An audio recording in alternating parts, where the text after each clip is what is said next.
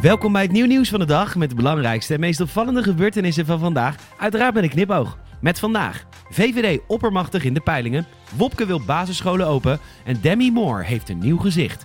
Mijn naam is Peter Bouwman, dit is het nieuw nieuws van de dag, vrijdag 29 januari.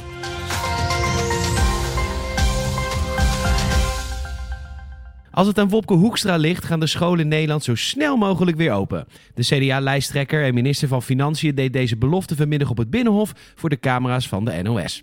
Hoekstra beklemtoont dat het kabinet alles op alles moet zetten om de scholen maandag over een week weer te openen vanwege de grote schade die het veroorzaakt op kinderen en hun ouders. De gezinsman schat de kans dat dit werkelijkheid wordt als zeer groot in. Het is niet bekend of Arie Slob, de minister die hier daadwerkelijk over gaat, deze ferme toezegging van zijn collega over zijn onderwijsportefeuille ook steunt. Of Hoekstra hiermee zieltjes wil winnen in het kader van de verkiezingen op 17 maart, of in de veronderstelling leeft dat primair onderwijs onder het ministerie van Financiën valt, is niet bekend. Het is tijd voor het nieuw nieuwsgetal van de dag. Je krijgt nu een getal en aan het einde van de podcast de context. Het nieuw nieuwsgetal van de dag is 65.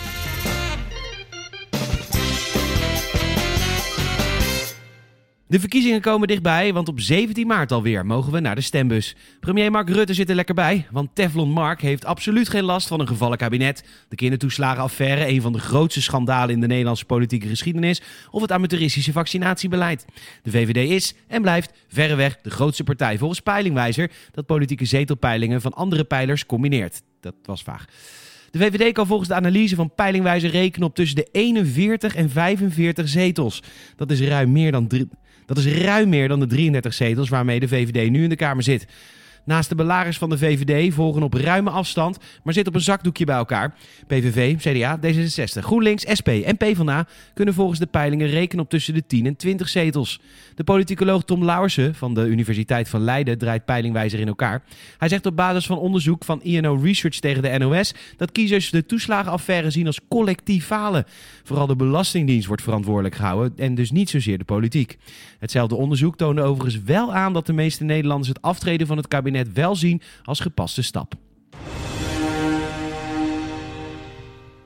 Met de VVD als heer en meester in het politieke landschap is er maar één ding dat mogelijk is voor andere partijen: debatteren.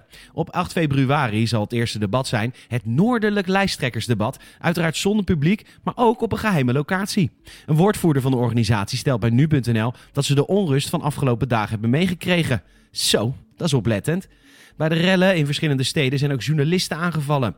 Er zijn geen concrete aanwijzingen dat wij zijn Nederland-roepers van plan zijn het debat te party crashen, maar de organisatie neemt dus het zekere voor het onzekere.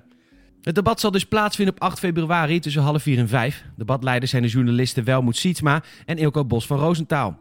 Naast algemene onderwerpen zullen ook meer regionale onderwerpen aan bod komen, zoals de toekomst van de Waddeneilanden. Wacht, dreigen die nu ook al afgeschaft te worden? Inbraak bij Koen Kardashian. Wie is dat nou weer?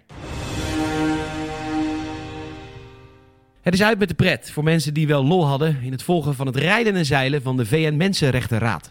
Althans, voor degenen die dat deden via Twitter. Het account at UNHRC, de Official UN Human Rights Council, is plotseling van Twitter verdwenen. Andere accounts van de Verenigde Naties verwijzen er nog wel naar. Op het Twitter-account werden volgers op de hoogte gehouden van wat er werd besproken in deze raad. En dat bood zeker enige amusementswaarde. Zo konden volgers de verrichtingen volgen van de landen die zetelen in de raad.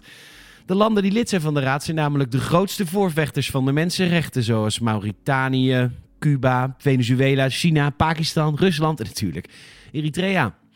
Dat betekent dat toeschouwers onder andere getuigen kunnen zijn van China, dat wordt beschuldigd van genocide op de Oeigoeren en talloze andere mensenrechten schendingen. Dat denkt een land als Australië de maat te kunnen meten op het gebied van mensenrechten.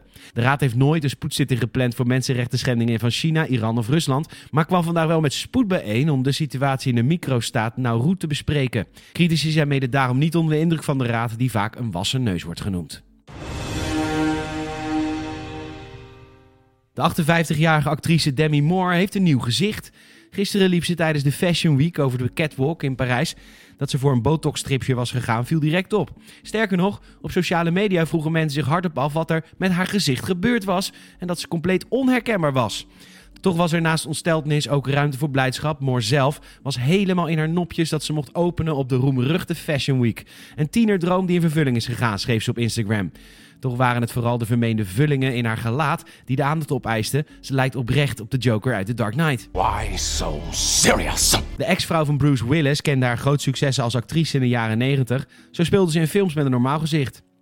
De actrice ontkent zelf overigens ooit plastische chirurgie te hebben ondergaan. Zij houdt zelf al jaren vol dat haar kwieke uiterlijk helemaal naturel is. Let's put a smile on that face.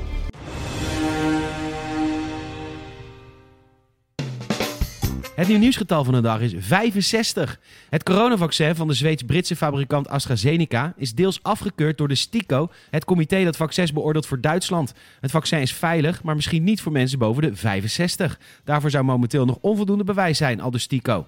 Overigens heeft het Europese geneesmiddelenbureau EMA het vaccin vandaag wel goedgekeurd, maar ook met dezelfde kanttekening. Bedankt voor het luisteren. Help het nieuw nieuws van de dag te groeien. Vertel een vriend of vriendin over deze podcast. Laat ook even een Apple Podcast review achter. Check elke dag nieuwnieuws.nl voor het laatste nieuws. En volg ons ook even via YouTube, Twitter, Instagram, Facebook en TikTok. Fijn weekend alvast. Tot morgen.